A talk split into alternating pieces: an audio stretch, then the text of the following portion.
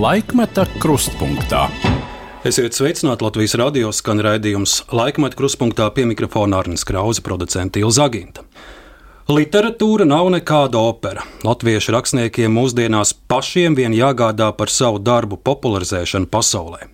Tā 1995. gadā laikrakstā Diena intervijā Egalam Zirnim saka Nora Ikstena, kura lasītājiem tiek pieteikta kā jauna latviešu stāstniece. Un Egils Zirnis turpina. Viņas pirmo stāstu grāmatu, Nieki un izpriecas literatūras kritika ir pamanījusi, turklāt ne jau tāpēc, ka Nora strādā mūsu vienīgajā literārajā žurnālā Karoks. Septembrī pārstāvēdam Latvijas starptautiskā rakstnieka sajietā Slovenijā, Nora lieku reizi pārliecinājusies, cik nepieciešama ir latviešu literatūras popularizēšana pasaulē. Prozas ziņā mēs neesam nekādā aizkrāsnē, taču mēs esam katastrofāli maz darījuši, lai mūsu rakstnieku darbi būtu pieejami lielajās valodās. Tā 95. gadā saka Nora Ikstena, un turpmākajos gados ir darījusi ļoti daudz, lai mūsu literatūra nonāktu pasaules grāmatu plauktos. Viņas darbs Mācis Piens ir lasītāja novērtēts Latvijā un drīz būs tulkots nu jau gandrīz 30 valodās paralēli literatūrai, Norē vienmēr bijis arī savs vērtējošs skats uz Latvijas politiski sabiedriskajām norisēm, un viņa nav vairījusies savu pozīciju paust publiski. Rakstniece Norīkstena šodien ir raidījuma laikmeta kruspunktā viese Nora Sveiki! Sveiks, Arni! Kā šodien klājas Norai? Norai klājas labi. Nora ir pilna enerģijas un um, jauni darbi, gandrīz jau ir uztapuši un top. Un, teiksim, tā sākas mana tāda atzimšana arī atkal ar to pašu, ko tu jau pieminēji, ar pasaulē iešanu. Šonadēļ pēc pāris dienām es lasīšu lekciju Česlava Miloša lasījumos Lietuvā. Tas tāds liels notikums, pēc tam došos uz Amsterdamu, kur mācās piens piepluso vēl vienu valodu, Nīderlandiešu valodā. Un tad um, ar filmu kopā ar Ināru Kolmani dosimies tādā pasaules nelielā tūrē, un galvenais, kā būšu novembra beigās Eiropas Savienības autore Meksikas grāmatu gada tirgu gada gala harā ar divām grāmatām - spāņu valodā mātes pienu un ūdens mirdzēšanu. Norviens no taviem dzīves vadmotīviem esot uh, poruka vārdi mūžīgi augstā kalnā raugās cilvēka acs, mūžīgi dziļā lejā nogrimst cilvēks pats. Nu, tu esi piedzīvojis gan augstus kalnus, gan arī šīs dziļās lejas. Es saprotu, šis ir brīdis, kad uh, norīkstena ar apņēmīgu skatu dodas kalnā augšup. Jā, jo e, redz, ir tā, man liekas, ja cilvēks nonāk nulles punktā, tad uh, pēc fizikas likumiem, ja viņam uh, Dievs un providence ir palīdzējis un cilvēki noturēties tajā nulles punktā, tad pēc tam ir iespējama laikam kustība tikai augšup.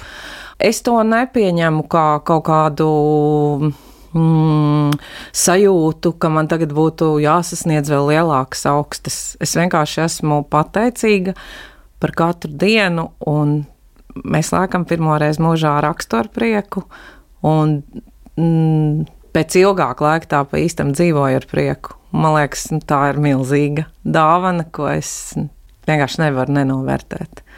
Ja mums šobrīd klausās ļaudis, kuriem varbūt nu, dzīve ir tā iegriezusies, ka viņi ir tuvu šim nulles punktam, vai arī viņiem grūti tam ir tikt pāri no, no tavas pieredzes, cik tu esi gatavs kādu padomu dot, bet, vai ieteikumu, vai vienkārši vērojumu, kā nenonākt līdz šim punktam un kā no tā ātrāk tikt prom. Uh, mīliet sevi! Domājiet par sevi, un tas nav, tas nav teikts ar domu, ka jums jābūt egoistiskiem un jādomā tikai par sevi. Bet, ja jūs šajā virpuļu viesulī, kurā mēs visi esam ierauti, domāsiet tikai kā dzīvot uz āru, nevis kā dzīvot uz iekšu, tad uh, agri vai vēlu tas nulles punkts pietuvosies. Un es uh, laikam biju sasniegusi to kritisko masu, bet man ir jāteic, ka tā kā man tika sniegtas tūkstošiem palīdzīgas rokas no maniem tuviniekiem, lasītājiem, Latvijā, visā pasaulē. Es saņēmu tiešām mīlestības jūru, ko es kādreiz uzrakstīju dziesmas vārdos. Tā es varu teikt, ka es uzskatu to par savu dzīves uzdevumu. Um, sniegt to mīlestības jūru tālāk citiem, cik man, mm, cik man Dievs būs devis to laiku šajā pasaulē. Un īstenībā ir tā, ka to man liekas arī teicis kāds diezgan slavens cilvēks, ka neskaitās tās reizes, kad tu esi kritis, skaitās tās reizes, kad tu esi piecēlies. Nora pēc šīs piecelšanās, tu mēģināji savā mājas pagalmā sapulcināt ļaudis, kas šo palīdzīgo roku atbalstu plecu tev sniedza. Droši vien, ja būtu visi, visi jāsaicina ar, ar, ar tā vikšķils mājas pagalmu, tur, tur tā runa būtu krietni par maz. Nē, tā runa būtu krietni par maz, kā tu saki. Un... Es vienkārši, es, es, es vienkārši sajūtu visu to mīlestību un to prieku un to, to vēlēšanos norat tev vēl tik daudz šajā dzīvē ir jāizdara, tev jāiet uz priekšu, un lai kas, lai cik sāpīgas pieredzes tev nebūtu bijušas, bet tev jādodas tālāk. Un uh, to es varu teikt par mūsu Latviju, kā šeit dzīvo ļoti gaiši, mīlestības pilni un brīnišķīgi cilvēki, jo to mēs redzam ik katrā labdarības akcijā, to mēs redzam ik katrā brīdī, kad mēs dalāmies ar kopējo prieku. Un, nu, ir sfēras, kur mums neiet tik patīkami, bet tas iekšējais kodols un tā gaisma, tas ir ļoti, ļoti spēcīgs. Un uh, to es esmu izbaudījusi uz savas ādas, un es varu teikt, ka tas nav kaut kas tāds, ko tik viegli iznīcināms, un tas, uh, tas pastāvēs. To mēs šogad pieredzējām vis, visos veidos. Arī dziesmu svētkos. Arī dziesmu svētkos, arī sportistos, arī uh, ļoti vienkāršās lietās, piemēram, es biju uz Ingas Ābeles grāmatas un Lidijas Lasmanas Droņinas grāmatas ziediņi atvēršanas Arnats Baptistu baznīcā un uh, pieredzēju tik gaišas brīžus, ka man, man vienkārši bija pilnīgi skaidrs, ka mūsos vēl ir ļoti, ļoti liels potenciāls, liela gaisma, liela mīlestība, liela līdzcietība, empātija, palīdzēšanas spēja viens otram. Man arī bija šajā raidījumā saruna ar Lidijas kundzi, es pie viņas ciemojos, un nu, man tā bija tāda enerģijas pote ar, ar, ar viņu runājot, un kam tik viņa dzīvē nav gājusi cauri, bet uh, spēt piecelties, un, un no sarunas ar viņas, ko saprat arī spēt piedot saviem pāridarītājiem, kuri viņai dzīvē ir bijuši neviens vien. Un tas, Arni, man šķiet galvenais, ka, ka tad, kad mēs līdz galam saprotam, ka piedošana tā tas jau nav, ka tu nu, pied, it kā piedod otram cilvēkam. Tu piedod sev, lai tu spētu piedot. Un, uh, un tad, kad tu esi ticis pāri tam grāvim vai tai ielai, tad tu īstenībā saproti, jā, ka tu mīli it kā arī savus ienaidniekus nosacīti. Un Lidija uh, Lasmana Droņina tam ir dzīves pierādījums. Spēt piedot un spēt priecāties par katru dzīves brīdi. Protams, mm, nenoliedzot arī to, ka tie momenti ir ļoti smagi, bet tiem var tikt pāri. Un, laikam, te, tev pretī sēž vien, vēl viens pierādījums, kā to ir iespējams izdarīt. Norikstens saviem dzīves grūtumiem ir tikus pāri un šobrīd apņēmīgi dodas kalnā, un mēs norā šī raidījuma gaitā arī uh, dzirdēsim un redzēsim dažādas arhīvu fragmentus, dažādus arī tavas dzīves kalnus un pakalnus, kuriem tu esi literatūrā kāpus pāri, bet caurvīsies arī dažādas tavi vērojumi par Latvijas uh, sabiedriski politisko dzīvi pēdējo 30 gadu garumā. Bet es sākšu ar uh, vienu no taviem pirmajiem soļiem literatūrā. Tas ir 1992. gads no Rīgstena. Nora Rubena toreiz tik, tikko ir beigusi Latvijas Universitātes filozofijas fakultāti un biogrāfiskā eseja pārnākšana. Tajā ir stāsts par pirmskara Latvijas sabiedrisko darbinieci un rakstnieci Annu Ķēniņu Rūmani. Viņa bija starp tiem daudziem vīriem, toreiz pie Latvijas neatkarības šūpuļa, viena no retajām sievietēm, ļoti izglītota sieviete, kur arī ārzemju presē vēl pirms 1918. gada jau rakstīja un aizstāvēja ideju, ka Latvijai ir jābūt brīvai. Kādēļ tavs faktiski tāds pirmais lielākais darbs uh, literatūrā vai literatūras vēsturē bija par Annu ķēniņu Rūmani? Nu, tā bija tāda arī likteņa sakritība, interesanta, kā es biju um, iepazinusies ar komponistu tālvaldu ķeniņu, un viņš gluži kā tu pēti ciltskokus, viņš uh, ļoti rūpēja par to, lai uh, kāds dziļāk izpētītu viņam mam, mammiņas, Annas Rūmanas ķeniņas dzīves gājumu. Un tad, jā, es sāku, es sāku to darīt, un tad iznāca tā, ka es beidzu universitāti jau ar grāmatu. Un tas pārnākšana.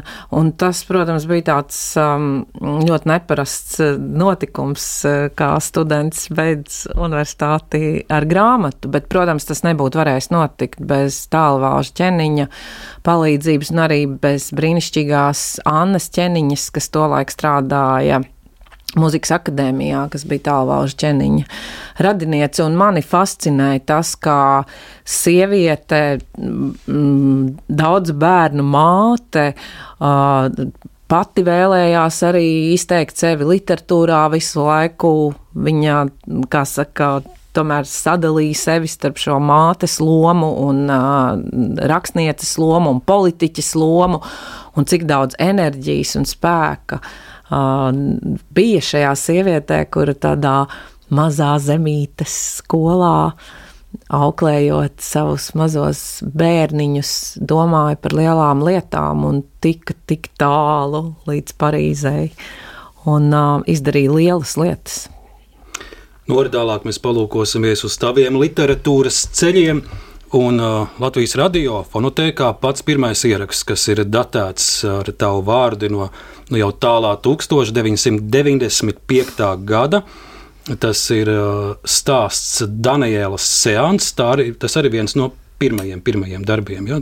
Tur, tur ir vairāk, tur ir arī gadījums ar Kornēliju. Un, uh, Ieraksts šim stāstam gadījums ar Korneliju Latvijas radio ir fiksēts. Mēs dzirdēsim fragment no 1995. gada režisora Diāna Sproģe lasa Lelde Vikmana. Daniels Seans. Riebīgā diena, kas lauzās bez prasīšanas Daniels istabā.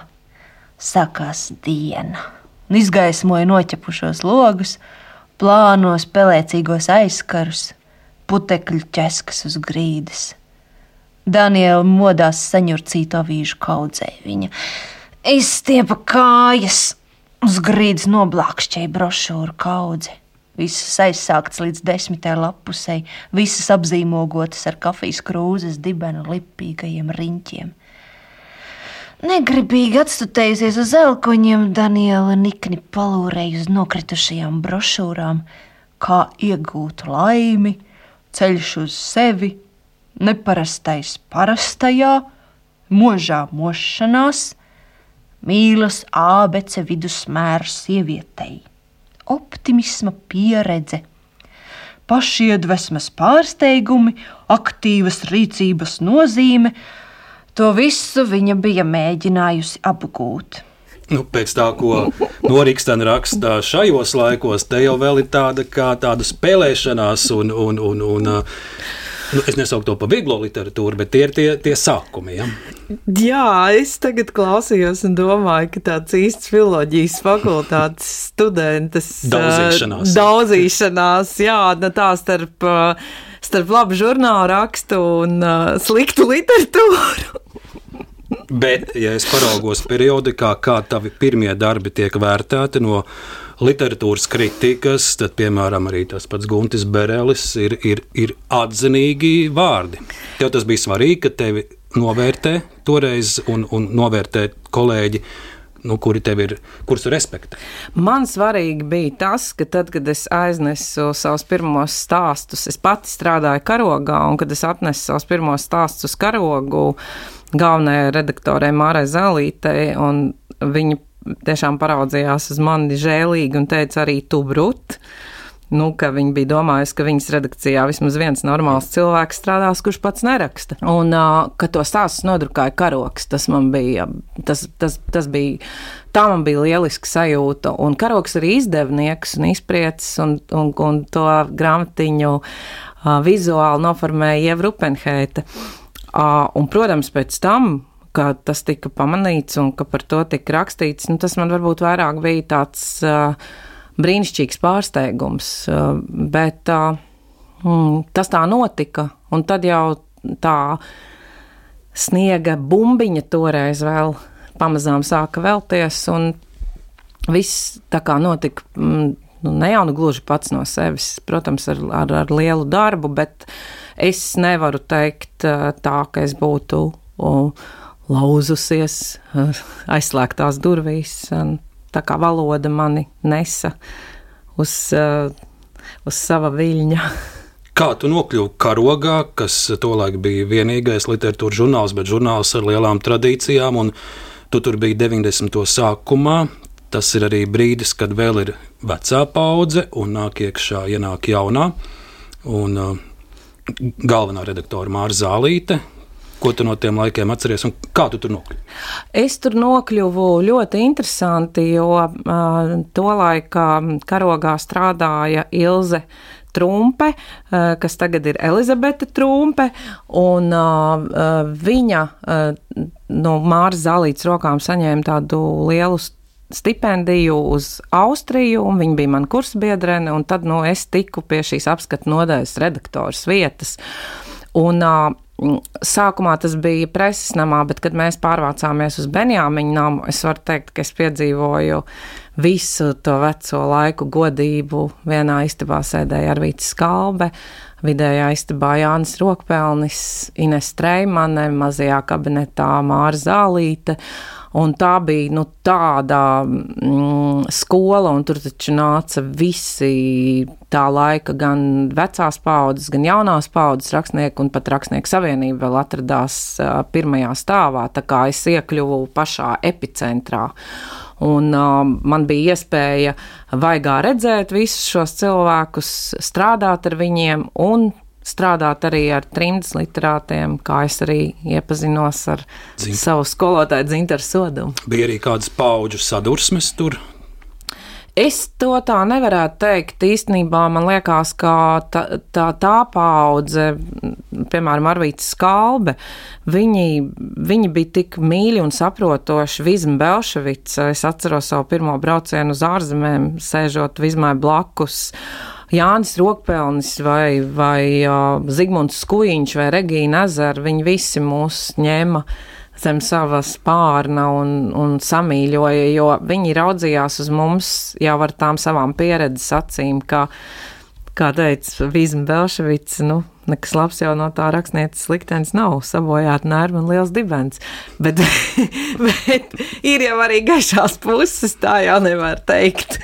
Nortu es rakstīju biogrāfijas eh, par virkni cilvēku. Mēs jau pieminējām Annu Rūmaņu ķēniņu, bet arī, arī Bruno Rubes, arī Māra Zālīti, mans Ziedons, Regīna Ezera, tavs uh, radagabals Aivars Vilipsons, bet viens no pirmajiem darbiem ir par uh, dejotāju Vīvētru.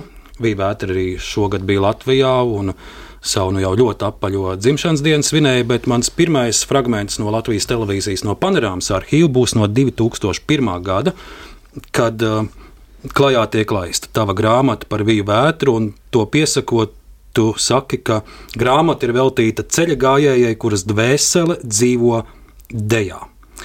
Fragments no 2001. gada panorāmas sižets, eh, tā autora Mirza Tupiņa. Šo pēcpusdienu bija vētra stāvēja uz dzīves skatuves līdzās savus tēvzemes cienītājiem un apbrīnotājiem. Nacionālais. Ir ļoti apdāvināts, spējīgs strādāt. Šogad izstījās tāpat. Ja? Jā. Tu satiki viņu? Jā, satiku. Oh. Par izcilo latviešu dejotāju un choreogrāfu daudz rakstīts Amerikā, Indijā, Eiropā Roberts Mūks vēl tur ir. Vienreizēji. strādā diviem cilvēkiem kopā. Oi, kāda meitene. Ir gan skaisti, gan arī varbūt dažkārt grūti, bet kā jau es teicu, ka viņa ir dabas parādība un uh, ar dabas parādībām ir jārēķinās.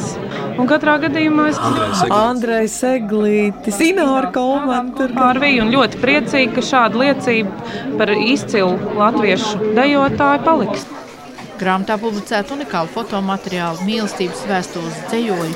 Viens no to autoriem arī nu pat no ASV atbraukšais Valdemārs Avens.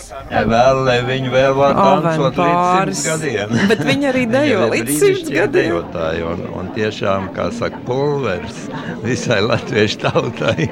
Nu, ka Vija vētra ir pulveris visai latviešu tautai, un tiešām ir, ir, ir jau šovasar arī simtgadu vecumā dejo Rīgā. Jā, un es ar viņu satikos šogad, un mēs kā jau tradicionāli ierasts kopā ar Ināru Kolmani un Jānu Juhņeviču Pētergailī ēdām lasīti, un um, bija uz mani paskatījās un teica, nu tad tagad tikai uz priekšu.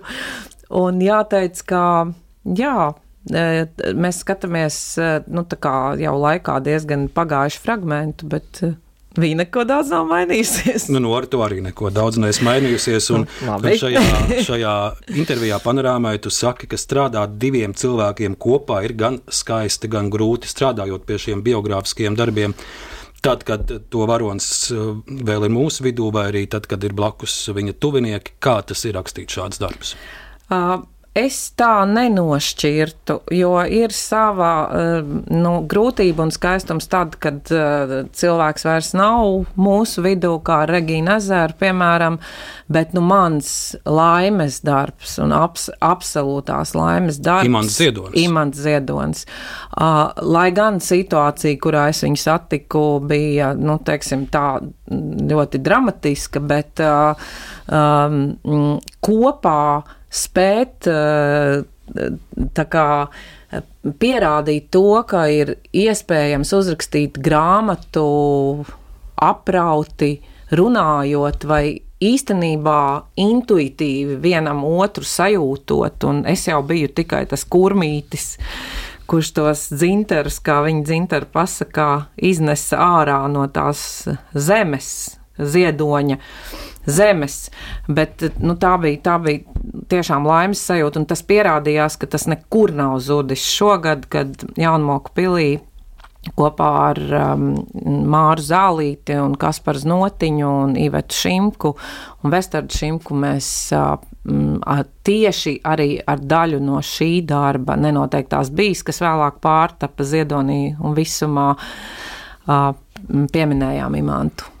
Nenoteiktā bija tiek izdota 2006. gadā, par grāmatu toreiz tu pats saki, ka tā ir grāmata par ziedoņa valdzinošās un smalkās valodas noslēpumu. Grāmatas atvēršanas svētki toreiz notiek mazajā ģildē, un ar panorāmas arhīvu palīdzību mums arī ir iespēja atgriezties 2006. gadā, satikt ar Imants Ziedoni, sižeta autoru Dācis Tirāni.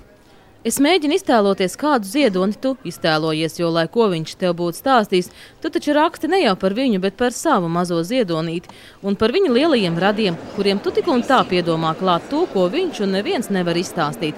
Tas ir fragments no dzēnietes Ineses Zanders elektroniskas vēstules Norai Ikstenai. Grāmata ar nosaukumu nenoteiktā bija patiesībā ir tāda līnija burtnīca, kur rindojas ainas no dzēnieka bērnības un jaunības gadiem, ainas no viņa paša. Viņa rašanās un viņa uh, pirmsākumi ir bijuši tur, kur vismazāk ir domāts par dzēju.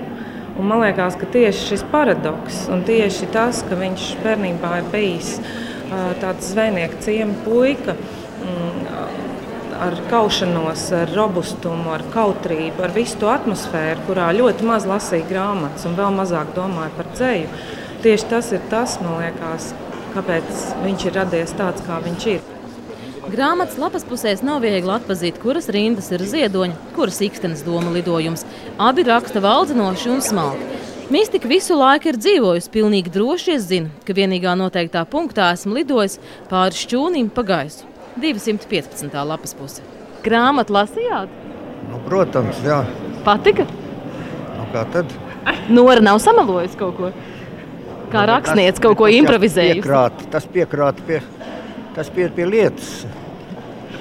Tas pie lietas, ka, ja nav kārtis kārtība, ja kaut kas ir citāds, citādi, vai ne, tad tā ir pie lietas, pie kārtas. Pie, nu, kā tā? Nu, tā ir mans ziedonis 2006. gadā ar, ar savu ironiju, bet kā tas ir teikts, ka grāmatā dažviet varbūt pat grūti nojaust, kur ir, kur ir imants ziedonis, kur jau viņa pārņem no Rikstena teikumos. No. Es teiktu, tā, protams, tā ir, tā ir imanta grāmata, un es esmu, kā jau es teicu, es esmu tas mēdījis vai tas kurmītis, kurš, kurš palīdz uh, izgaismoties uh, imanta vārdiem un imanta domām, bet nu, iekļūt arī kā rakstniecei um, tādā simbiozē, tas nozīmē to fantastisko sajūtu, ko tu pēc tam, pēc tam tikai. Saproti, ka to atsakies no sava radošā es, tu kļūsti par citu. Un, Tā tas bija arī nenoteiktajā bijā. Un tā, tas, ka man tā grāmata ir sagādājusi tikai milzīgu laimes sajūtu, tas ir tāds apliecinājums, ka tas viss bija tīri godīgi un no sirds. Un tagad redzēt imantu ar to sniegpulkstenīšiem kabatā, tas ir tieši tas, kā es, ja es domāju par imantu, es domāju par viņu tādu, ka viņš sēž ar sniegpulkstenīšiem kabatā un kaut ko pasaka tādu starp e, ironiju, joku un kaut ko ļoti dziļi mīļu un sirsnīgu. Un tu vēl pagūvi arī šajā kopdarbībā būt ar dzinieku, kamēr tās slimības smagums vēl viņu pavisam nebija pārņēmis. Jā, es, e, bet tā bija viņa ideja jo piezvanīja man viņa, viena no viņa māsiņām, kas viņu to laiku kopa. Viņš vienkārši nevarēja uh, samierināties ar to, kā, kā tajā pašajā dzelzceļa vilka dziesmā. Tās vēl nav beigas, tas vēl nav viss. Un, uh, un viņam izrādījās balta taisnība. Un kāpēc viņš izvēlējās mani? Uh, Es nezinu, bet uh, literatūras zinātnieks Raimons Briedis vēlāk atrada dzējoli, ko viņš uzrakstījis 70. gadā, dzējoļu krājumā man labvēlīgā tumsa, un tur ir tādas rindas. Meitene manu vārdu saka, pļāva, punkts, nora ar lielo punktu, punkts, saule. Protams, viņš bija domājis meža noriņu, ko uzrakstījis ar lielo burtu, bet uh, mēs jau zinām, kā Imants bija pareģis. Tā kā viņš pareģoja arī mūsu satikšanos. Viņš prot arī iekodēt savos vārdos. Jā, viņš prot iekodēt savos vārdos, un par to es domāju arī šogad, kad bija tā viņa lielā jubileja, bet viņš pats nebija fiziski klātesošs. To taču varēja just eh, ikvienā solī, un arī, arī mūsu uh, vienīgi vienīgā diezgan vēl līdz šim neatkarīgā mēdījā, Facebookā, mm -hmm. kur cilvēki vienkārši lika iekšā viņa dzējojas, tāpēc kā viņiem tā gribējās. Ja mājas un ziedonis un, uh, un ziedoņa jubileja, un tas bija tādas tautas svinības, tāpat kā ziedoņa pavadīšana bija uh, tautas uh, tāda vienotības sajūta dzējā, un kad busiņš brauc uz ragaciem, un gar malu tur stāvēja bērni, kas nāca no mājām ārā ar pušķīšiem rokās un ragaciem kapos pūt, tas pūtēja orķestris, tad tu saproti, ka jā, mēs pavadām lielu dzēnieku, bet mēs pavadām īstu cilvēku, kurš saprata savu tautu visdziļākajā būtībā. Nu, mūsu nākamais arhīvu fragments no 2004. gada. 2000. gadi no Rīgstena ar vienu ir jaunā literāte un piedalās jauno literātu lasījumos.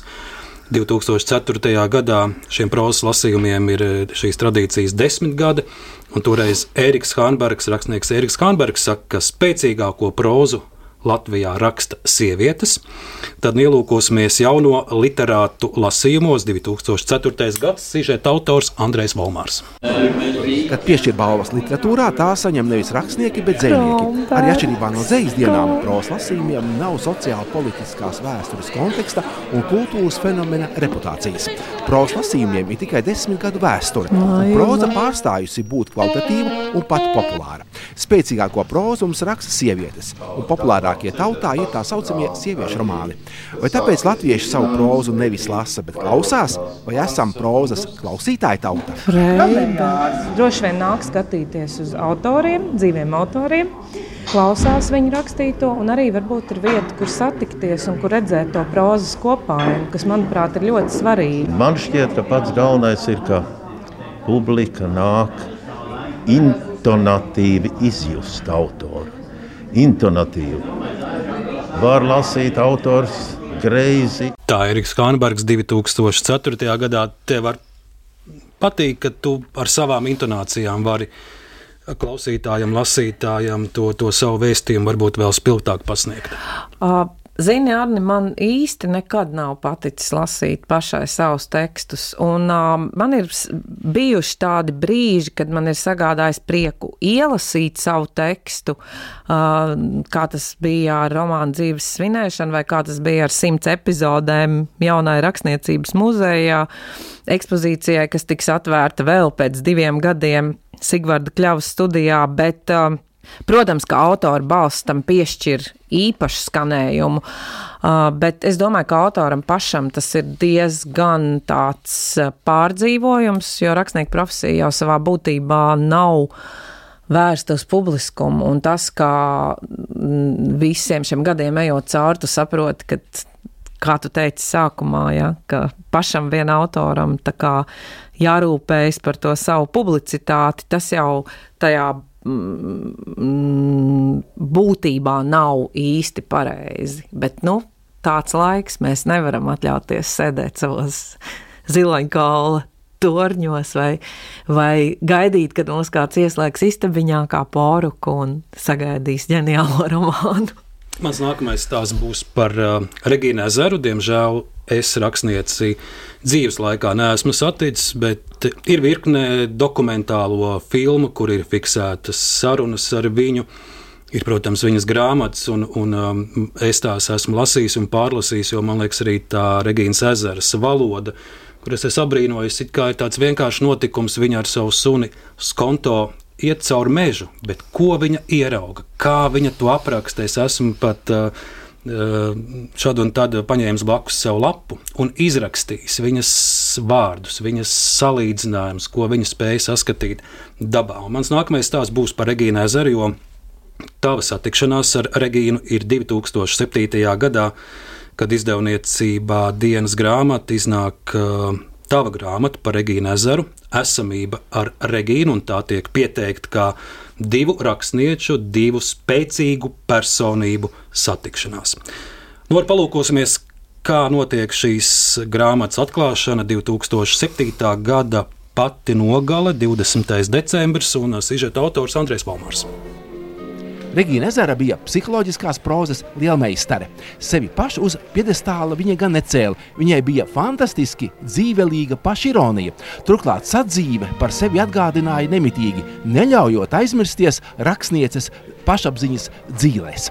Regina Ezera bija spoža literārās mistifikācijas autore, jaucot savu varoņu kārtas ar šī tas, ko es esmu redzējis. Mm. Es nesajaucu, bija skontos. Skonto, jā, jā. Viņai, man liekas, vairāk suņi bija skonto. Atkarība, dēmoni, burvestība. Tā ir īsta Regina. Viņa zināja, kā tas ir mīlināties ar esamību un ko nozīmē laulības ar valodu. Regīnas ezers sevī paslēpto Norai Ikstenai bija jāatmin, jāatrod, jāizprot, jāizstāsta. Nora Rikstena savas grāmatas pamatā likusi Regīnas ezeras dienas grāmatas fragmentus, pievienojot klāt pašas jaunradītus dienas grāmatas ierakstus. Mistifikācija Regīnas ezeras stilā No vienas puses tā identifikācija nav notikusi, no otras puses, protams, lai, lai, lai tik teiksim, nu, noteikti un dziļi ieietu kāda cilvēka esamības dzīvēs, ne, nu, neglābjam, notiek ka kaut kādā veidā mēs meklējam līdzības ar savu dzīvi. Tādas laimīgas, nu vai nelaimīgas Ai, sagadīšanās dēļ, Nora ir nonākusi šobrīd tieši tādā pašā stā- stāvoklī, kādā, bija, kādā stāvoklī bija um, Regīna Ezera savos tādos vislabākajos briedumu gados, radošā brieduma gados, ka viņa faktiski viņai ir tāds nu, personiskās dzīves lūzums, viņai ir izvēle starp to, vai būt rakstniecei, vai būt nu, kārtīgai, paklausīgai ģimenes mātei, sievai un tādai, kas mizo kartupēs un mazgā grīdzi. Te mēs dzirdam arī Aiju Vālodzi, Regīnas ezers meitu, tulkotāju. Tas, ko viņa saka, tev ar tādas, tādas lielas izšķiršanās ir bijušas būt kartupeļu mizotājai vai, vai rakstniecei. Nē, nē, tas ir, Nav tas tā. ir kaut kādā AIS uh, iztēles auglis, jo man nekad nav traucējis mizot kartupeļus. Un būt... es esmu bijis tavā virtuvē, gan tad, kad tu dzīvoji Grūzijā, gan Ikšķilē. tu nevienu mizo kartupeļus, tu vienkārši izcili gatavo ēst. Jā, man, man tas nav. Man tas ir gājis līdz, līdzās soli solī, un es neno, nešķiru, ka man būtu bijis jāizdara kaut kāda izvēle savā dzīvē, lai es būtu rakstnieks, vai lai es būtu ceptu kūkas, vai būtu laba sieviete savam vīrietim, vai laba sieva savam vīram. Es ne- vispār tā neesmu skatījusies uz šīm lietām, jo man liekas, ka eh, dzīve ir kopums, un uh, man rakstīšana ir. Uh, Jā, var teikt, tas ir tas, kas man šajā dzīvē vislabāk padodas, jo to es tā pa īstam līdz kaulam sapratu. Tagad, atkal atgriežoties dzīvē, jo es biju domājusi, nu, pietiek rakstīt, un uh, tagad es sākšu, ko es nekad dzīvē nebiju darījusi, cept kūkas. Es izcepu pat āveņu tārti. Un varbūt pat Pāvlovu. Ka, nu, Pāvils, nē, bet krēmbrulē, brīnišķīgi krēmbrulē, keksiņu, sābomaizes, šokolādes tortes. Un tad atbrauca mana draudzene Gunila Forsēna no Zviedrijas un teica, nu, Nora, nu, angliski viņa to teica, tūkoši latviski, tas jau viss ir brīnišķīgi, ka tu esi mums pierādījis, ka tu vari uzcept visādi veidu kūkas, bet taču atgriezies pie rakstīšanas.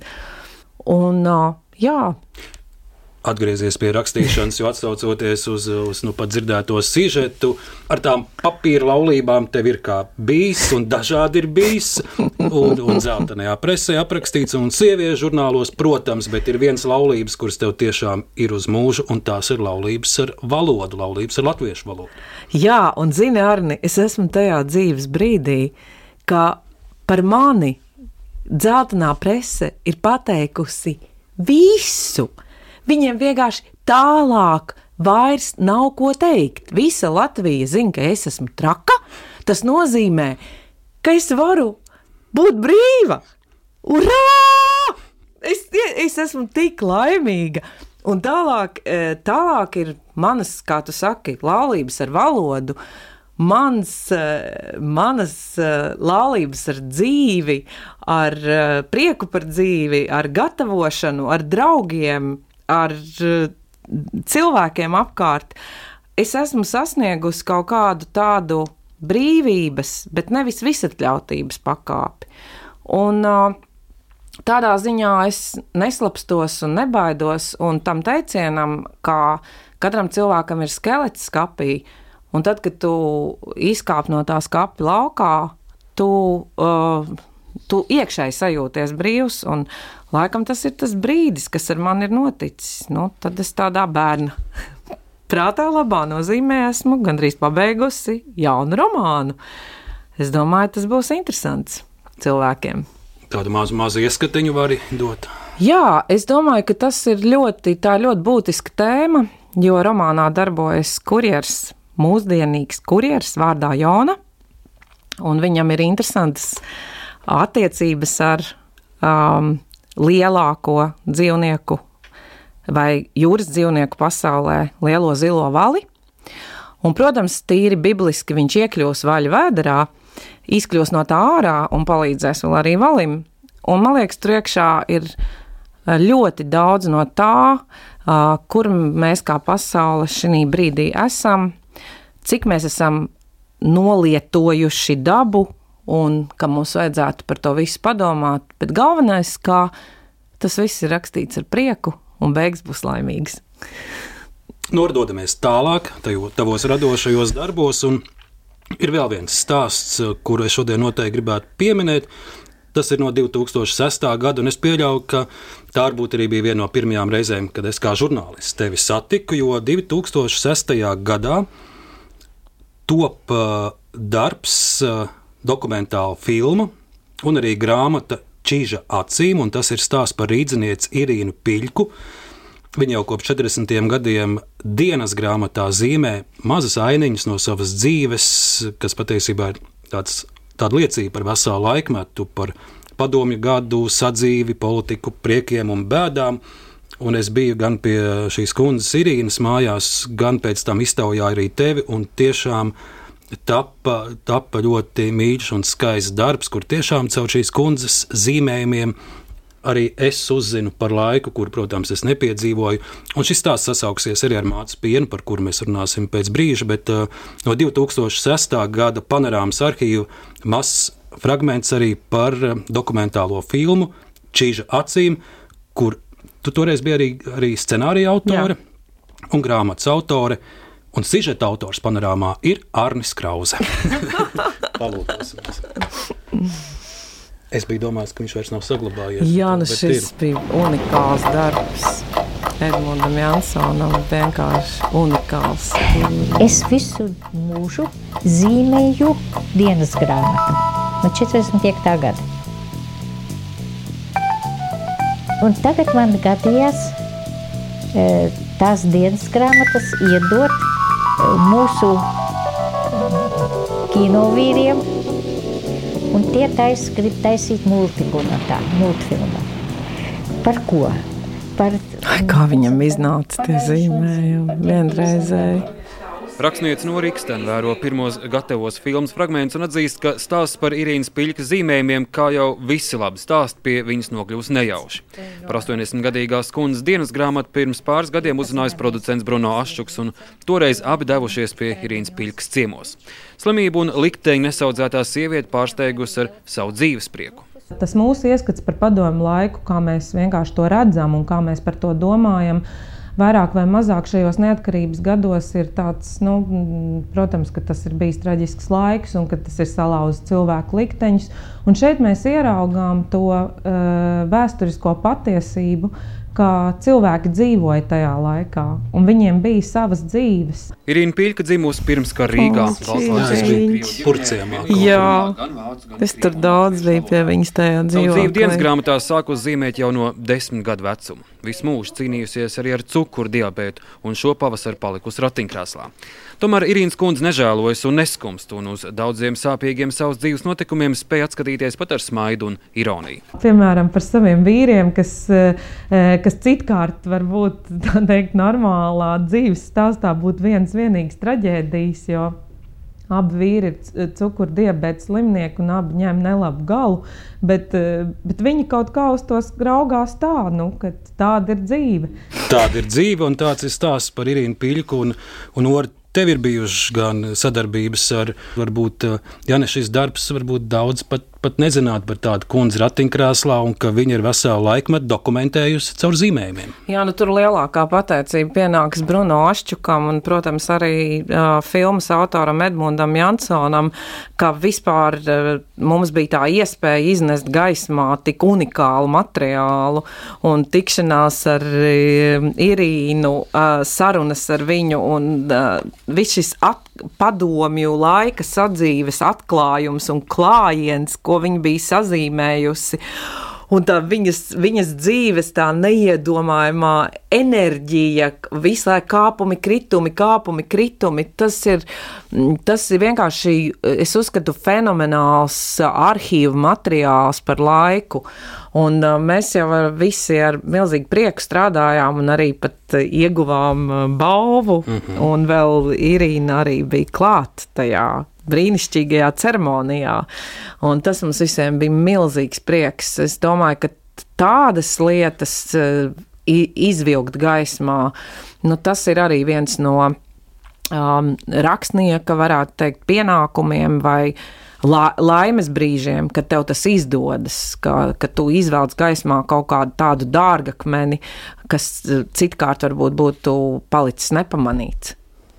Es nezinu, vai tas ir viens no rakstnieka pienākumiem, nesēdēt tikai savās uh, burtu virtenēs un, un, un nedomāt par nākamo darbu, vai viens no rakstnieka pienākumiem ir arī vērtējoši raudzīties uz sabiedriski politiskiem notikumiem, bet Nora, tu to esi darījusi.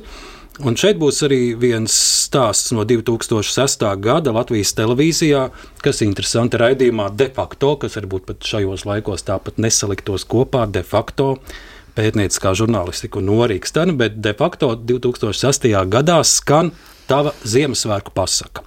Un es tagad to pasaku noklausījos vēlreiz, un es sapratu, tūlīt būs pagājuši 20 gadi, un to pasaka droši gan šajos Ziemassvētkos, gan Miķeļos, un Mārtiņos un Lieldienās varētu atkārtot, jo nekas daudz tur nav mainījies.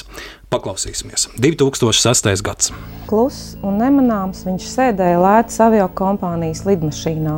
Tuvojās Ziemassvētki, un viņam aiz muguras bija apmeklēts daudz zemes, gar acīm ņirbējuši milzīgi cilvēku pūļi. Šis eņģelim nebija svētku laiks, jo viņš kā katru gadu tika sūtīts uz zemi. Balto dūmaku pirms nosēšanās nomainīja pēcpusdienas vārā gaisma. Viņš sagurs pavērās pa lidmašīnas lodziņu un ieraudzīja kaut ko skaistu. Balta krasta līnija atdalīja tumšu ūdens klāju no meža ieloka. Viņam likās, ka viņš redz upes kā rūpīgi austas prievītes un ezerus kā sviestactiņas.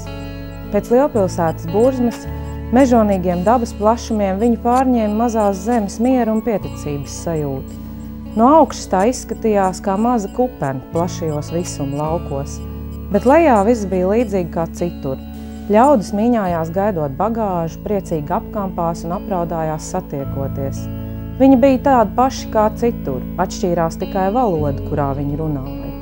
Eņģelim interesēja, kā izskatās zeme, kur nesen bija satikušies pasaules varenie. Vismaz viņiem pašiem tā likās, kaut gan eņģelis par šādu pārliecību varēja vien līdzietīgi pasmaidīt. Viņš varēja ielūkoties it visur, gan pilīs, gan būdiņās, ko eņģēlis redzēja. Tumšus ceļus, pa kuriem vientulīgi gājēja brīdi uz autobusu pieturu, gaišus lielceļus, pa kuriem traucās jaudīgi un spīdīgi auto, šauras un nolupušas istabiņas laukos un nomalēs, un greiznas pasaku mājas jūras tuvumā un ezeru un upju ielokos, bodīšu pieticīgos plauktus un lielveikalu spožumu un postu, Visur, it visur pēc spējām, vajadzībām un iespējām rosījās ļaudis. Eņģelim likās, viņš griežas kā vāvers ritenī. Kas viņus dzina?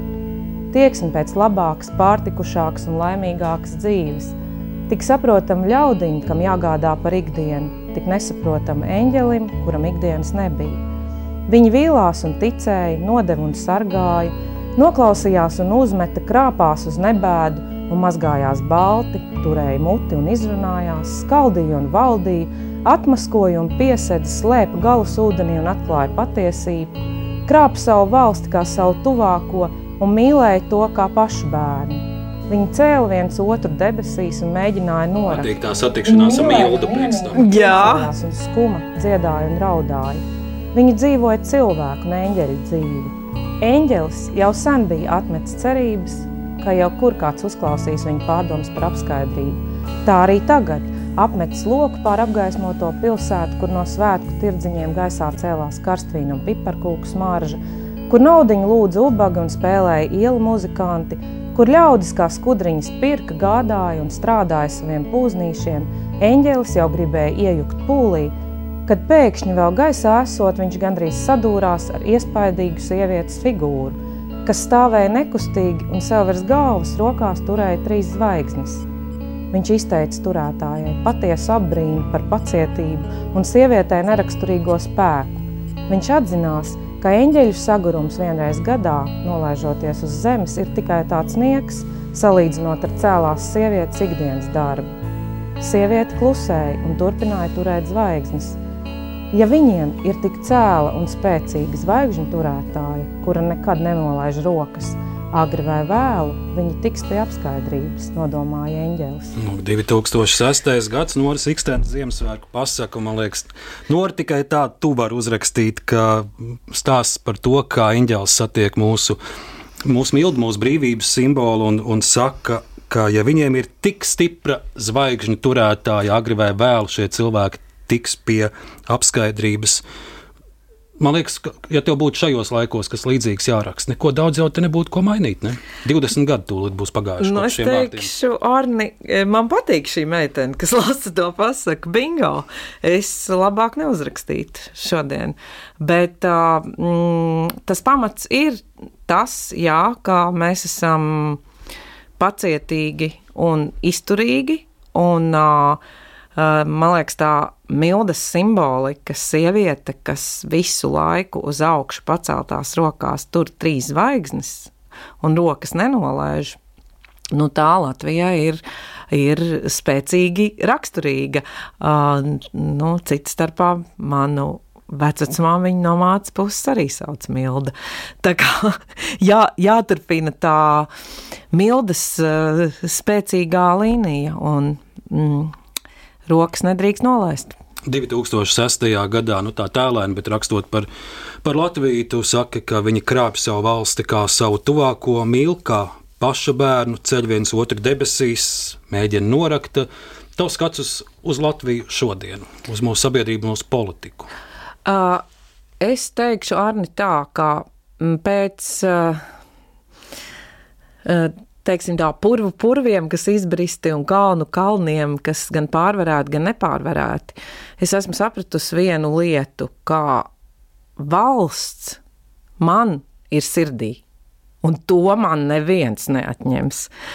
Un, protams, tas, kas pat labāk notiek mūsu politikā, to vienkārši nav iespējams uztvert nopietni, jo uh, tik uh, liela mērogā uh, šos uh, sadarbības nodošanas, um, puspateikšanas, vārda neturēšanas aktus un paktus, man liekas, mēs Latvijas politikas vēsturē redzējuši nesam. Bet savā ziņā um, šī brīdī mums, kas darām citu darbu, kas mēs neesam iesaistīti politikā, mums nekas cits neatliek, kā šo smilšu kasti nolikt mazliet attālumā, turpināt darīt to, ko mēs darām, un trenēt sevi, kā teica Vaira Vīķa Freiberga. Ik katrs viens, katrs no mums domājiet, domājiet, domājiet. Nu, jo no jūsu izvēles, no jūsu domas un no jūsu paredzēt spējas būs, teiksim, nākamajās politiskajās vēlēšanās atkarīgs tas, kādā virzienā mēs iesim.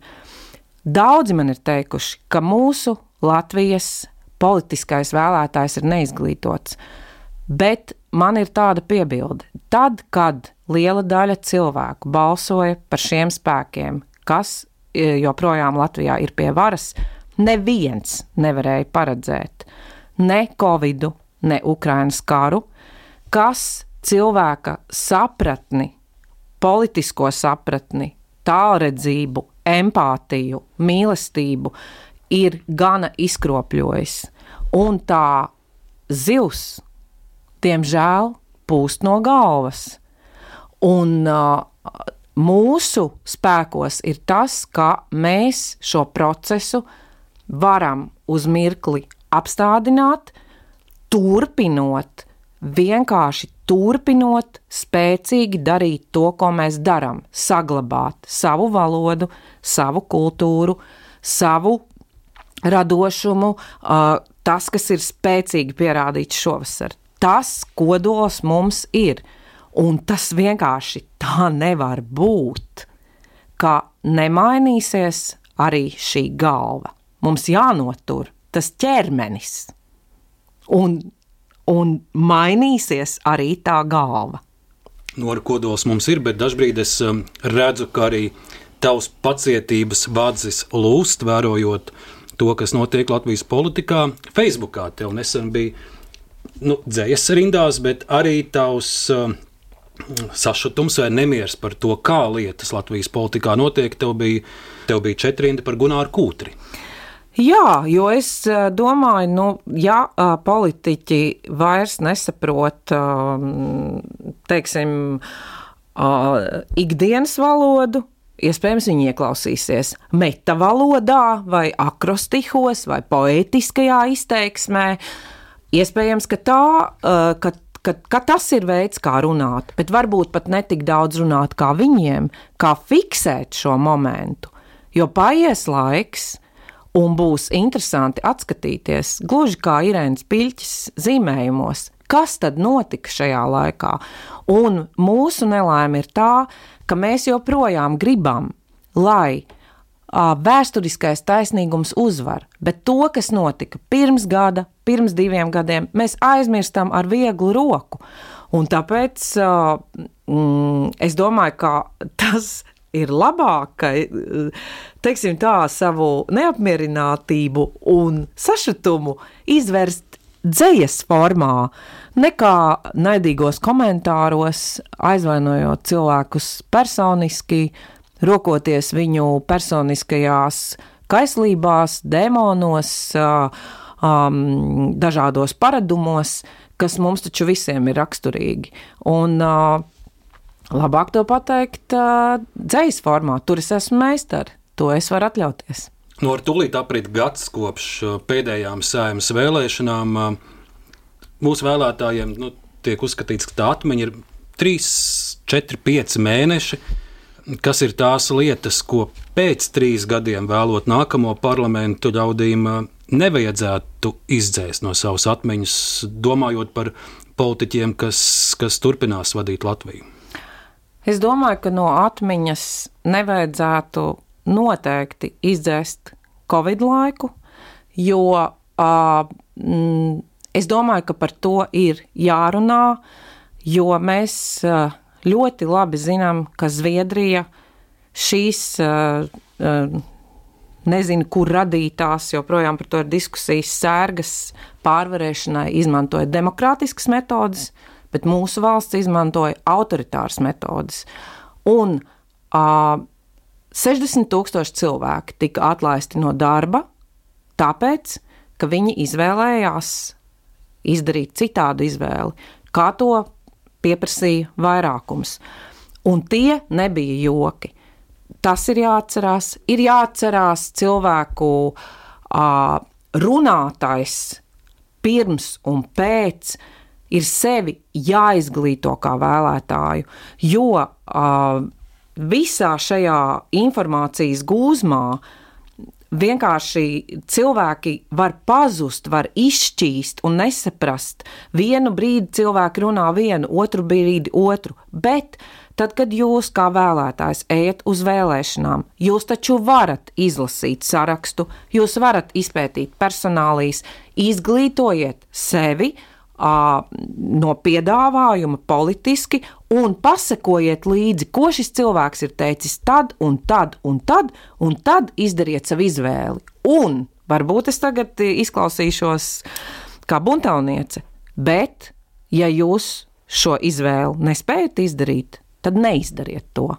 Un arī tas ir balsojums tikpat noteiktā un stingrā valodā, kā šobrīd Latvijas radio studijā, Nora Ikstena runā arī Saimnes namā 2012. gada februārī. Uh, Nora, tu kopā ar kolēģiem, rakstniekiem, literātiem dodies uz Saimnes namu, kur jums ir tikšanās ar deputātiem, arī tā laika kultūras ministri Žaneti Jaunzem Grendi. Un literāti runā par to, ka Latvija gadā zaudē 10, 20 rakstniekus, jo viņi pāriet darbā uz reklāmas aģentūrām vai rakstniecību nodarbojas tikai kā ar vaļasprieku. Brīvajā laikā stāsts ir par valsts atbalsta trūkumu literatūrai un literatūras popularizēšanai pasaulē. Mazs fragments no tā, karstas sarunas, karstas vārdu apmaiņas jums tur bija toreiz. Uh, Tu un tavi daži kolēģi tūlīt arī redzēsim fragmentus no panorāmas arhīva 2012. gads. Deputāti, kuri laika trūkuma dēļ sen nebija ņēmuši rokās latviešu rakstnieku darbus, sēdes sākumu varēja baudīt gluži kā labu grāmatu, jo izteiksmes līdzekļi, ar kuru palīdzību literāti šodien pauda savas domas, bija viņu talantam atbilstoši. Tiesa sāpīgais temats eiforijā neļāva kavēties pārāk ilgi. Esam atnākuši ar miera pīpi bet ar stingru prasību dūmu.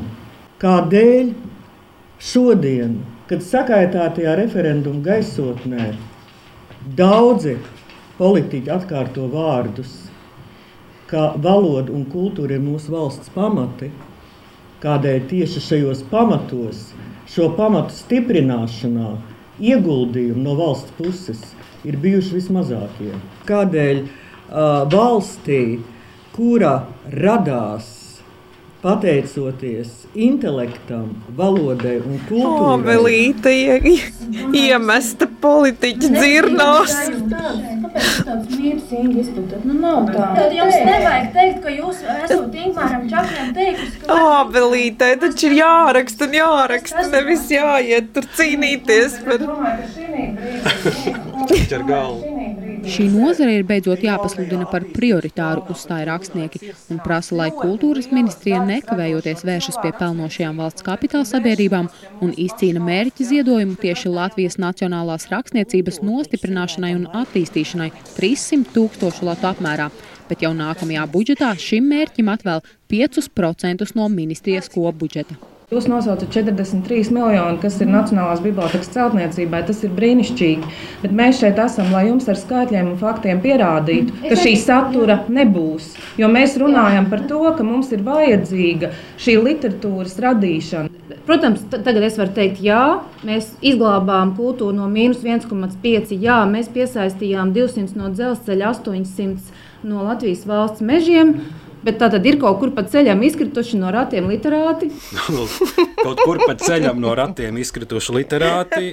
Man liekas, nekur jau viņi neizkrita. Ne. Tajos ratos visu laiku ir sēdējuši, bet arī ļoti apņēmīgi uh, to laiku uh, pieprasīja arī valsts cienīgi finansējumu jūsu nozarei.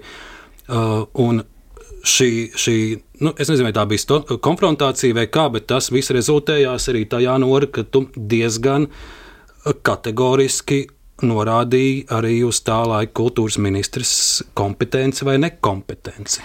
Uh, jā, nē, es vienīgā norādīju. Bija ļoti daudzi kultūras uh, iestāžu vadītāji, un, to, un, un, un joprojām, kas ir kultūras iestāžu vadītāji lielu, kas teica, nē, uh, šī ministra nav profesionāla, un tas ir vienīgais gadījums uh, Latvijas politikas jaunlaiku vēsturē, kad uh, sabiedrības un profesionāļu spiediena rezultātā ministrs prezidents lūdz ministri atkāpties, un viņi to izdarīja.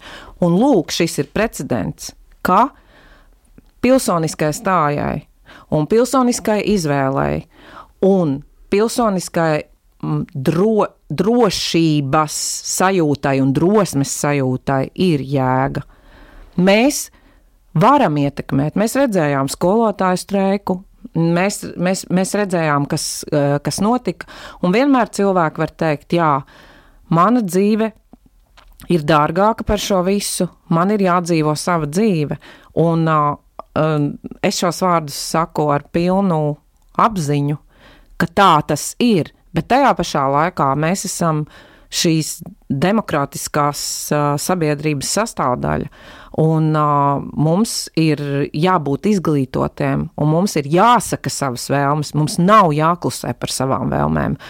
Un jo biežāk mēs tās teiksim, un jo biežāk mēs paģērēsim, nē, tas iet nepareizā virzienā, apstājieties, dom, domājiet, domājiet, ko darīt, jo labāk tas būs. Jo tas bija tieši tāpat kā jā, nu jau leģendārajā intervijā ar Alvi Hermani.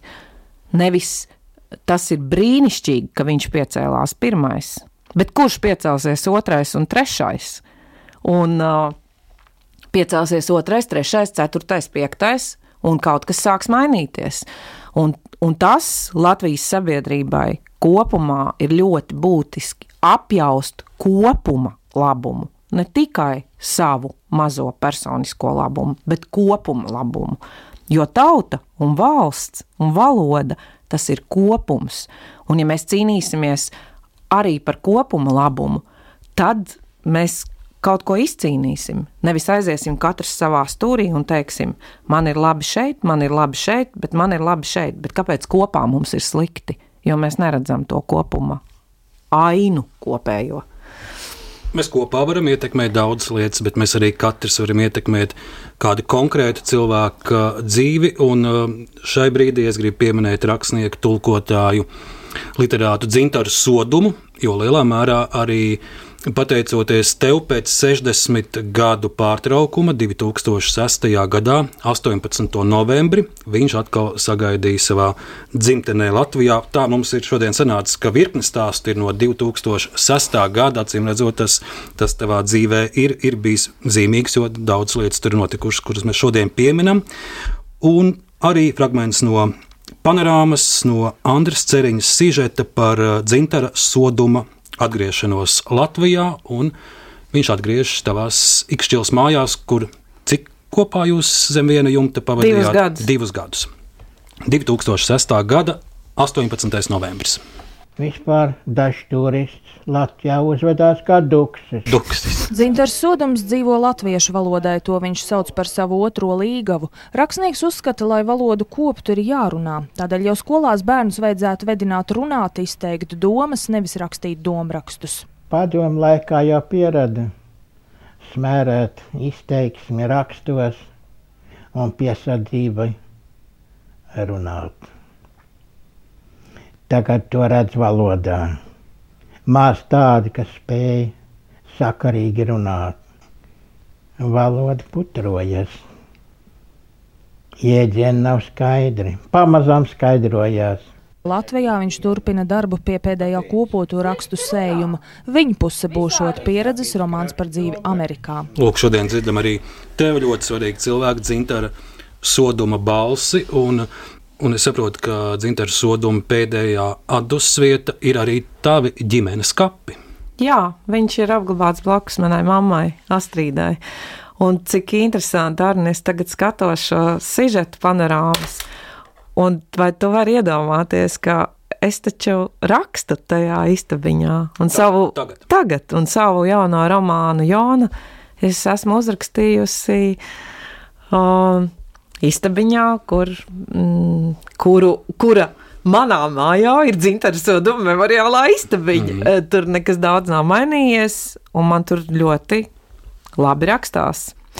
Un tas nozīmē, ka mm, tas arī ir bijis tāds uh, individuāls, konkrēts solis, kas varbūt uh, manai personīgajai dzīvei bija diezgan izšķirīgs un pārāk vienkāršs, bet uh, kopā ar maniem mīļiem draugiem Andru Ceriņu un Gundagu Blumbergu, un, un mēs to izdarījām, un, un tas tika paveikts. Un tas ir tas, kā bieži vien saka, nu, ko tad tas ko tad, ko tad tas viens cilvēks izdarīs. Bet tas viens cilvēks tai kopuma sajūtai var izdarīt ļoti daudz un to padrupināt, to klinti, kurai varbūt ir jāsabrūk, vai arī noklāt to ceļu vai nosasināt to purvu. Viena cilvēka izvēle. Dzinters sodums tagad tādus blakus tavai mammai Astrīdai, un tas būs mūsu nākamais stāsts, protams, par mātes pienu, par grāmatu, par filmu, par uh, mātes piena lielu atsaucību arī lasītājiem dažādās pasaules malās. Es mēģināju skaitīt, man sanāca 24 vai 25 tulkojumi, bet nu, tuvu tuvojas pie 30. Ja? Jā, bet turpinās jau. Es šonadēļ braucu uz Amsterdamas festivālu, kur mācības piens būs Nīderlandiešu valodā. Tikko laikam armēņi nopirka autortiesības, indonēzieši, spāņi, fērieši. Visneticamākās val valodas un visneticamākās vietas pasaulē. Tā kā tas ir kaut kas, kas turpinās, un šis ir brīdis, kad es beidzot uz to varu paraudzīties kā uz literāru darbu. Un tas ļoti atvieglo situāciju. Mātes piens, tas ir stāsts par tavu mammu, tas ir stāsts par tevi un tavu mammu, tas ir stāsts par padomu laiku. Te nora arī no periodikas es atradu no laikraksta Rīgas balss, tas ir 1957. gads, tāda reportāža, kuras virsraksts ir, lai drosmīgi ir jūsu centieni jaunie komunisma cēlāji. Te tava mamma ir 16, 17 gadu vecumā, un, un tā tad kopā viņa ar savām klases biedrēm, kā te rakstīts, iet uz pirmo eksāmenu, un, protams, visām ir šie padomu laika formas tērpi un, un, un sarkanie kaklauti un puķes. Nu, es ieraudzīju šo bildi, un man acu priekšā bija dažas, daži kadri no, no mātes piena filmas, Ināras Kolmanas. Arni, tu nemaz nevari iedomāties, kā tu mani iepriecināji. Bet tā ir tā mamma, ja Jā, tā ir Astrīda Kalnzemniece to laiku, dzimusi mm, Fecere. Eh, Kā tu man iepriecināji vakar Vācijā atsūtot šo bildi, jo es to tūlīt pārsūtīju manai māsas, eh, Indras meitai, Norai uz Angliju. Un es skatos tajās astrīdas sejā, un es ieraugu viņā tik daudz to skaisto Noras Annas vaipstu, un tās cerības, un to, to, tos, to, to, to jaunības skaistumu. Tā ir dokumentāla liecība, tā, tā Jā. nav filma, tā ir īstenība. Tā ir īstenība, un tas, ka viņa bija teicamniece ne tikai eh, vidusskolā, bet tālāk arī medicīnas institūtā, tā arī ir balta patiesība. Normāts piens tiek izdots 2015. gadā, un šeit Latvijas radio studijā, radio mazajā lasītajā, lasītavā Gundars Āboliņš 2016. gadā arī lasa fragmentus no mātes piena, un vienu mēs šodien noklausīsimies. Larisas Nikolajevnas veclaicīgais dzīvoklis Ņevas prospektā manu iedomāto pasauli padarīja reālu. Vecā kundze atsacījās Pēterburgu saukt par Ļeņingradu un atcerējās gan, kā viņa teica, biluju roskošu, gan pilsētas blokādes laikus, kad cilvēki ēda avīzes un līmi. Medicīna viņu neinteresēja, bet vakaros stundām varējām runāt par Jesēņinu, kuru Larisa Nikolajevna neuzskatīja par lielu dzēnieku, bet viņu interesēja baumas par dzēnieka aiziešanu. Un tā pie mums ir aizgājuši daudzi, viņa teica, pārliecināta par varas tumšajiem darbiem. Mani šīs sazvērestības teorijas nesaistīja. No rīta es devos uz institūtu, kur satikos ar krievu kolēģiem, kurus pārtika no kafijas, cigaretēm, kofeīna un vārītām bietēm. Ģērbās biezos, raupjos džemperos un platās biksēs, nēsāja zēnu galviņu un bija apsēstas ar domu, ka viņām jāatšifrē auglības un neauglības mistērija. Viņas runāja inteliģentā krievu valodā, pa brīdim tajā iemetot kārtīgus mātes vārdus. Vakaros viņas dzēra šķaidītu spirtu, bet jau no rīta svaigas sēdēja noliekušās pār saviem mikroskopiem. 2016. gads Gunārs Sāboliņš. Droši vien rakstot mācību pienu, tu jau nevarēji paredzēt, kāds būs grāmatas ceļš gan pasaulē, gan, gan, gan mūsu pašu lasītāju atsaucība. Tas tev, tas tev pārsteidz, jo no vienas puses tas ir tāds nu, privāts, personisks stāsts, un, un, un var jau būt, ka nu, vai maz citiem interesēs uh, tavas mammas un, un tavas attiecības, un neizrunātais un piedzīvotais, bet, bet lūk, kā ļaudis šis stāsts uzrunāja. Jā, Arne, es domāju, ka es pēc visa šī uh, lielā, milzīgā devītā viļņa, uh, kurš tagad mierīgi, bet turpina uh, izplūst pasaulē un jau tālāk arī ar Ināras Kolmanas filmu, Es esmu nonākusi pie tāda secinājuma, redzi, mana mamma nodzīvoja salīdzinoši īsu mūžu, 54 gadus, un šogad es sasniegšu šo vecumu. Un es esmu domājis par to, ka mēs bieži meklējam nu, to cilvēka dzīves mūža garuma, mistēriju, ko viņš savā dzīvē ir sasniedzis, ko viņš ir izdarījis. Bet es iedomājos, tātad viņas salīdzinoši īsais laiks uz šīs zemes un viņas stāsts, kas ir palīdzējis tūkstošiem cilvēku pasaulē saprast mūsu valsts vēsturi, saprast uh, austrumēropiešu domāšanu, saprast to, kas notika aiz dzelzs priekškara, palīdzēt izprast savas attiecības uh, mātēm ar meitām, tas taču nevar būt nejauši, jo um, pasaulē ir uzrakstītas tūkstošiem grāmatas, Latvijā ir uzrakstīts daudz izcilas grāmatas. Nu, kāpēc, kāpēc tieši šis stāsts, šis mātes piena stāsts ir tā, nu, teiksim, uzņēmis tādus apgriezienus? Jo tas stāsts jau tika rakstīts kā ļoti, ļoti personisks un ļoti godīgs vēstījums ar bažām par to, kā šis godīgums un kā šī, šī atklātība, šī sevis atkailināšana tiks uzņemta. O, bet izrādījās, ka tas ļaudīm ir vajadzīgs. Un ja man kāds jautā, vai es nožēloju kādu uh, savas dzīves izvēli vai savas dzīves soli, nē, es vienkārši esmu pateicīga Dievam, liktenim un cilvēkiem, kā uh, man ir iespēja turpināt. Un uh, to es daru ar prieku, pieņemot to, ka mums katram, neatkarīgi no tā, ko mēs iztēlojamies, ko mēs domājam, ko mēs ceram, ir paredzēts savs scenārijs šajā dzīvē, un ne jau mēs esam uzrakstījuši šo scenāriju.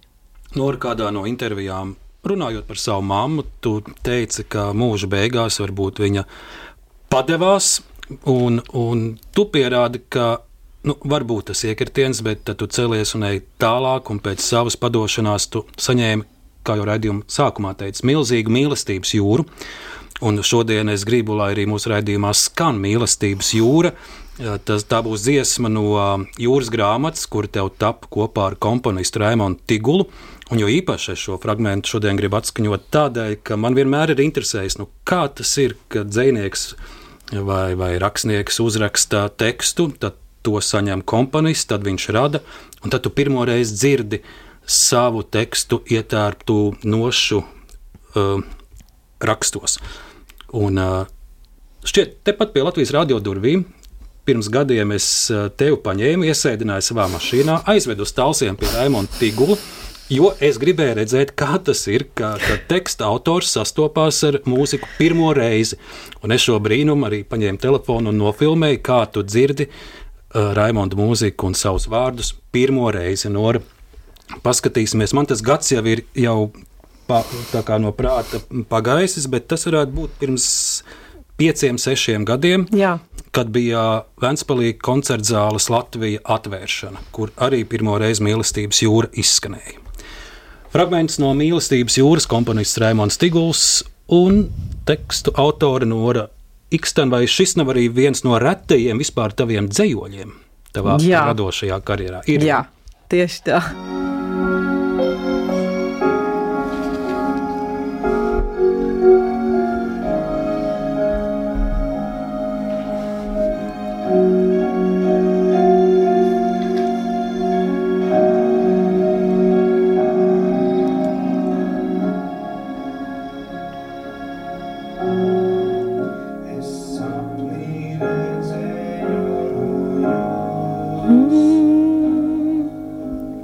Piedziedājums līdzīgs. izcēlās bez vārda un bez pūrā. Cer zvaigžņu kuģis požu. Tiltu meta drošu.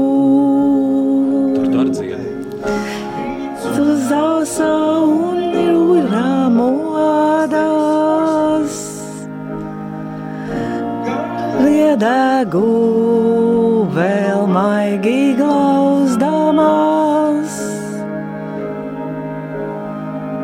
Es modos līdz un acu skatām, tik skaistā tu pamodies.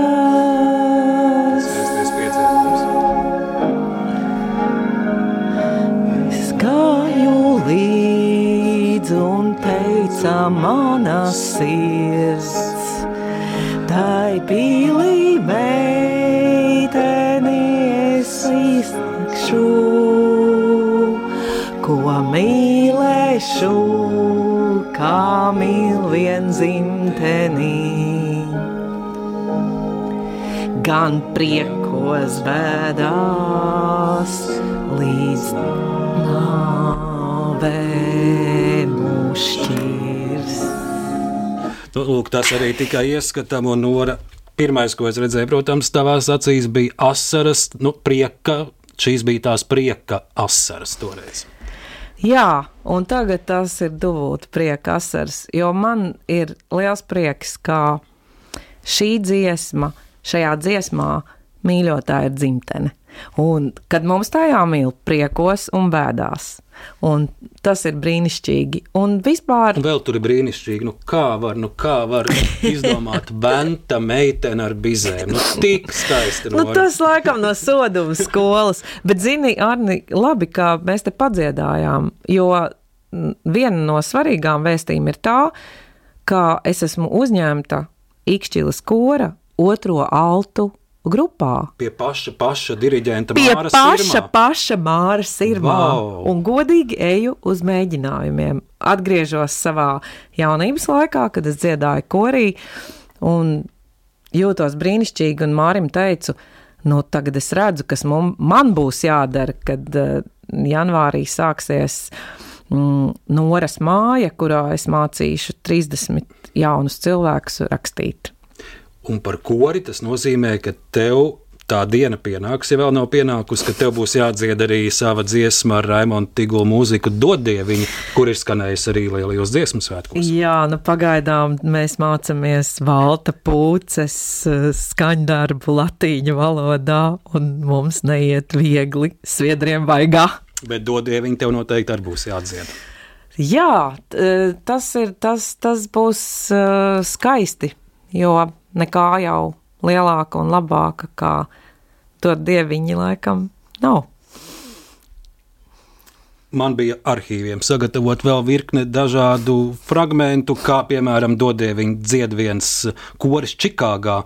Uh, Amerikāņu koris un, un perfektā latviešu valodā. Man bija vēl fragments arī no Ulubēlas pasakām, kur uh, Zifrīds Muktu Pāvels uh, duetā ar uh, Kristīnu Zadovsku Jā, dzied. jā. Bet, bet ļaudīm tie būs jāapsēs arhīvos, jo vienkārši tas laiks mums ir tik, cik ir. Un tās minūtes, kas vēl palikušas, no es gribu izmantot, vēl parādot tev dažas liecības par taviem senčiem un, un taviem radiem. Man godīgi atzīšos, bija viens brīdis, kad es nokļuvu tādā kā strupceļā par tavu mammas līniju. Jo man tur tie uzvārdi nesapasēja. Tad es sapratu, ka tavai mammai ir bijuši nu, divi tēti, viens bioloģiskais un otrs tas, kas viņu uzaudzināja. Un te būs vairāk par, par viņas bioloģisko tēti uh, Jāni Feceru un par viņa tēti Kārli Ludvigu Feceru, kas ir tavs vecais tēvs un vecvectēvs.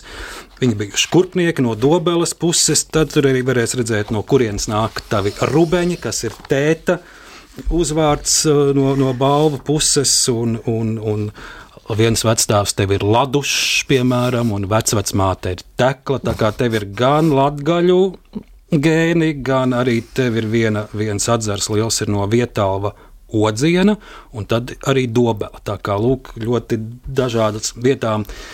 Nora, tu esi, kā teikt, savijusies kopā. Šis tev būs ko papētīt, un lūk, es tādu lielāku bildi tev. Tas ir tavs vec, vectēvs Kārlis Ludvigs Fecers, kurpnieks no Dobeles. Un Arni, milzīgs paldies tev par šo dāvanu, jo jau tad, kad es rakstīju mātes pienu, es sapratu, ka Jāņa Fecera liktenis ir tas, um, kā saka, tas pagrie, pagrieziena punkts. Un uh, es uh, mēģināju par viņu daudz ko meklēt. Bet, bet Nori, es varu to garo stāstu pārsteigt. Jā. Kādēļ tavai mammai sanāk bija divi tēti? Tāpēc, ka Jānis Fecers, viņas īstais tēvs, tika izsūtīts uz Sibīriju, kur pazuda, un tad uh, starplaikā mana omīte satika brīnišķīgo Jāni Kalnzemnieku, ko es uzskatu, un man māsa Indra par savu veco tēvu, un tā mana mamma kļuva par Astrīdu Kalnzemnieci, dzimušu Astrīdu Feceri. Un neko daudz tālāk vairs par um, īstā tēva gaitām arī nezinām. Tās nav, tas, tas noslēgums nav pārāk uh, priecīgs, bet uh, ja es tagad domāju par to mātes piena epizodi, kas ir patiesība, ka viņš uh, glāba eglītes, bet neglāba savu sievu ar zīdaini uz rokām. Un tā ir tā izvēle starp uh, ārpusi un, un, un savu cilvēcisko izvēli. Un te mēs nonākam atpakaļ pie tā, ja mēs neizglābsim sevi, mēs nevarēsim izglābt citus. Bet, ja mēs izglābsim sevi, mēs varēsim palīdzēt vēl ļoti daudziem, kuriem var būt, vai noteikti, bez mums būtu daudz skumjāk. Nora dosimies tajā kalna augšup un svarīgi, ka, ka es redzu, tu tur mums ej priekšgalā, un tas ir labi smaidoši un, un enerģiski. Nora, liels paldies tev par sarunu! Paldies, arī no sirds. Tiešām. Rakstniece Norikstena šodien bija raidījumā laikmeta kruspunktā pie mikrofona Arnas Krauza, producenta Ilze Agīnta par skaņu gādāja Nora Mitspapa. Paldies un turpiniet klausīties Latvijas radio!